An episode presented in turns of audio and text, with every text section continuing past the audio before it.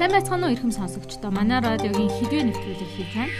Өнөөдөр олон нийтийн анхаарлыг татаад байгаа нэг сэдв болох нэмэгцэн үртгийн албан татварын буцаа олголтын одоо 2% болгосон дээр үү аль эсвэл 5% болгосон дээр үү гэдэг энэ асуудлаа бид ярилцахаар бэлтгэлээ.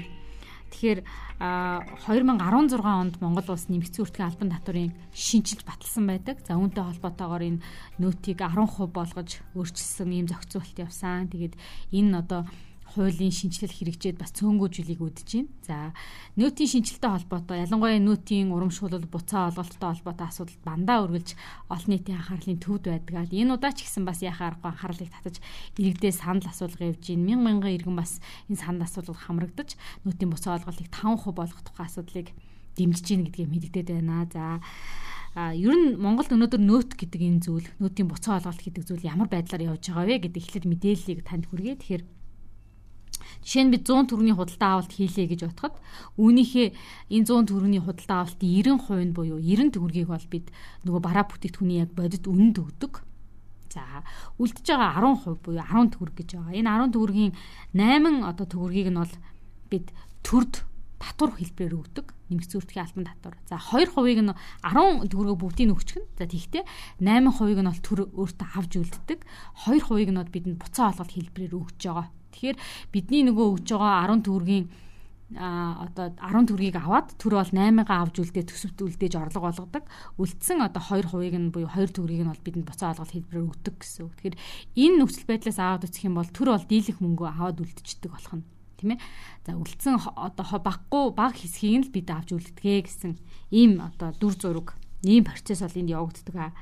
За одоо тэгвэл нөгөө улсын хурлын даргын одоо санаачлаад байгаа буцаа олголтныг нь бол аваад үзэх юм бол төр бол 5% авж үлдэнэ. А иргэд бол 5% одоо буцаа олголт хэлбэрээр авна гэсэн үг. Тэгэхээр төр иргэн хоёрын одоо авах нөгөө мөнгөн дүн бол ижлэхэн болж хувирч байна гэж ойлгож болохоор байна. Тэгэхээр одоо Монгол улсад бол нэг 1.1-ээс 1.2 сая иргэн аж ахуй нэгж бол нөтийн буцаа олголтыг авдаг гэсэн ийм дүн байгаа. За энэ 2% буцаа олголтод нэг уйлдралд одоо нэг удаа олгоход бол нэг 50-аас 70 тэрбум төгрөгийн буцаа олголтыг энэ 1.1-ээс 1.2 сая иргэн аж ахуй нэгжид бол олгодгоо. За удирлаар нь юм байгаа бол жилээр нь аваад үзэх юм бол жилийн дүнгээр 200-аас 300 тэрбум төгрөгийг бол төр буцаа олголтод өгдөг гэж харж болохоор байна. За энэ одоо ийм байгаа бол хэрвээ 5 буцаа олголтын дүнг нэмээд 5% болгол нөхцөл байдал яаж өөрчлөгдөх вэ? Тэгэхээр бас дахиад жишээн дээр одоо авч үзэх хэрэгтэй болно. Тэгэхээр одоо энэ өдрүүдэд бас яг энэ 7 хоног аль эсвэл эх 7 хоногт энэ оны 3 дугаар улирлын буцаа олголт иргэдийн даансанд орохоор хүлээгдэж байгаа. За хэрвээ одоо энэ буцаа олголт 5 байсан бол яах вэ? 2 байсан бол яах вэ? За одоо бол э, нийт нэг иргэн нэг үйлрэл дунджаар нэг удаа дунджаар нэг 60 мянган төгрөгийн буцаа олголтыг бол авдсан байна. Ер нь дундчлаад үзэх юм бол мэдээж хүн бүхэн харилцаа адилхан өөр байгаа. Гэхдээ ер нь дундчлаад үзэх юм бол нэг үйлрэлд нэг 60 мянган төгрөгийн буцаа олголтыг авдаг. За энэ 60 мянган төгрөгийн буцаа олголт бол 2% та байх үед ийм мөнгө авдаг. За энийг хэрвээ 5% руу болгосон тохиолдолд бол одоо 60 мянган төгрөгийн буцаа олголт авж байгаа иргэн бол 150 мянган төгрөгийн буцаа олголтыг авахаар байна нэг үлрэл. За жилээр тооцоод үзэх юм бол 2% та байгаа үед иргэд дунджаар нэг 240 мянган төгрөгийн буцаа олголтыг нэг жилд авдаг байсан бол 5% болгосон тохиолдолд энэ дүн 600 мянган төгрөг болж байна. Тэгэхээр энэ 600 мянган төгрөг гэдэг энэ дүн өөрөө иргэн танд бодит орлого, бодит одоо орлогын дэмжлэг болж чадах уугүй юу гэдгийг та бас бодоод үзэхэд гимгүү болж таарч байна. За нөгөө талд нөт гэдэг энэ э, татвар бол өөрөө төсвийн орлого бүрдүүлэлт маш их чухал нөлөө үзүүлдэг. Тэгэхээр төсвийн орлогын ялангуяа тэнцвэржүүлсэн орлогын 23-аас 25%-ыг бол нэмэгцүүртгийн албан татврын орлого бүрдүүлдэг. Өөрөөр хэлбэл төсвийн тэнцвэржүүлсэн орлогын дөрөв төвөрдөлтмийн нэгийг бол нөөтөөс бүрдүүлж байна гэж ойлгож болохоор байна.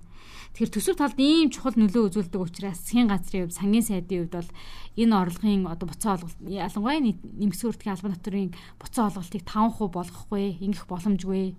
Яг тэгэхээр энэ хэрэв 5% болгочих юм бол маш хэмжээний төсвийн орлогын тасалдал төсөв дээр үүснэ гэдгийг бол сангийн сайд мэдэгдээд байгаа. Маш хүчтэй байр суурь илэрхийлж байгаа.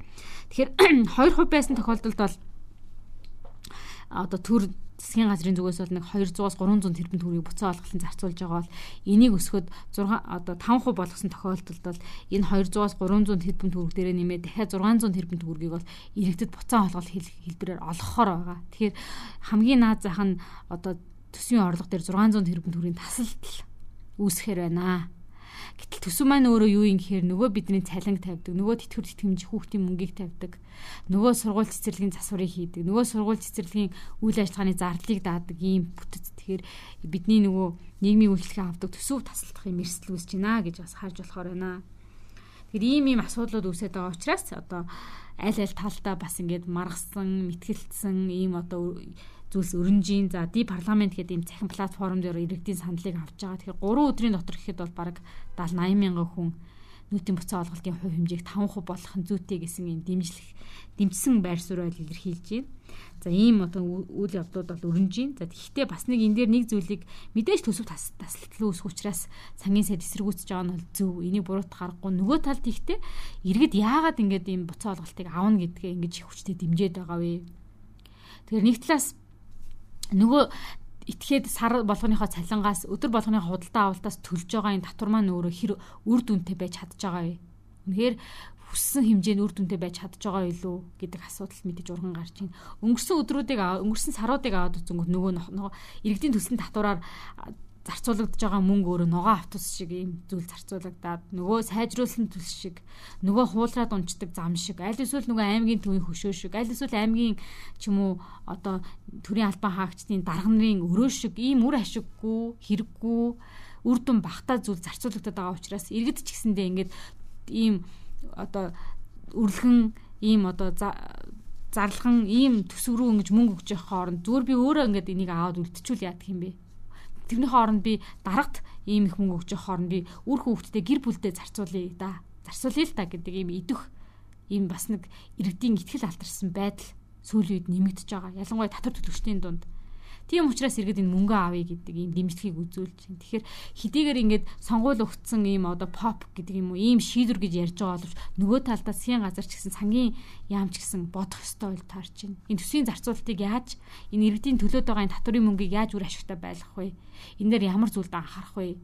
зардлаа яаж танах уу, яаж хэмнэх үү, яаж ухаалгаар энэ төсвийн зарцуулалтыг хийх үү гэдэг өөр дээр бас юм анхаарах шаардлагууд бас яхаа аргагүй тулгарч байна. За нөгөө талд нь нэмэгц хүртгийн албан татвар гэдэг зүйл бол нөгөө даалт эдийн засгийг хумах, эдийн засгийн ил тод байдлыг дэмжих юм зорилготой.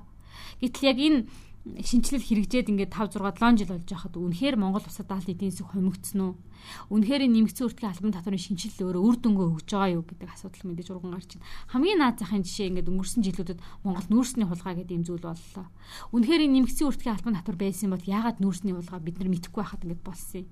Дээрээс нь бид нар зарим тохиолдолд худалдаа авалт хийхэд том захууд, том худалдааны төвүүд, томоохон үйлчлэгээний газрууд нөөд өгдөггүй. Аль эсвэл та нөөтөө авах уугүй юу гэж асуудаг. Тэгэхээр энэ нөөтийн хэрэгжилт гэдэг зүйл аж ахуйн нэгжүүд дээр харилцан адилгүй байгаад байна. Тэгээ энийг зохицуулах шаардлагатай байна. Энэ холбогдох татварын газрууд сангийн яам ажиллаа хийх шаардлагатай болж байна гэд. Ийм ийм асуудлууд бол яхаа аргагүй урган гарч ийн. Тэгэхээр нийгэмд ийм тэгш бис байдал зарим төлдөг зарим төлдөггүй ийм байдлууд үүсэж байгаатай холбоотойгоор нэмээд дээрэс нөт хэлбэрээр энэ төлж байгаа мөнгө өөрөө юм үр ашиггүй зүйл зарцуулагдаад байгаа учраас иргэд үнийг эсэргүүцэж байна. Тэгэхээр цаашдаа хэрвээ одоо нэмэгдсэн үртгэн албан татварын буцаа олголтыг 2% болгоод хിവэр нь авч үлдсэн ч гэсэн сангийн яамны зүгээс засгийн газрын зүгээс оногцсон ажлуудаа хийх шаардлагатай энэ чиглэлд хэрэгжилтийг нь хангах юм шаардлагатай байгаа шүү энэ дээрээ бас яалчгүй анхаарах хэрэгтэй байна гэдгийг харж болохоор байна. За цаашид ер нь үйл явдал яаж өрнөх нь бас бид анхааралтай одоо ажиглах зүйтэй.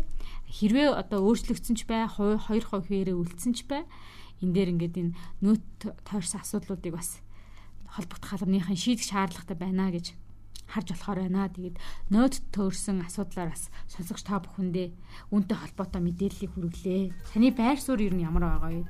Та 600 сард одоо жилд 600 мянган төгрөг авахын дээр байна уу? Эсвэл 600 сая төгрөгийг засгийн газарт хэвээр үлдээсэн дээр байна уу? Одоо таны бас ялангуяа татвар төлөвч таны бас энэ сонгох ёстой, шийдвэрлэх ёстой нэг зүйл болж хурж байна. Тэгээд үүнтэй холбоотой мэдээллийг хүргэлээ. Одоо шийдлийг, ойлголтыг, сонголтыг сонсогч тань хэлээ.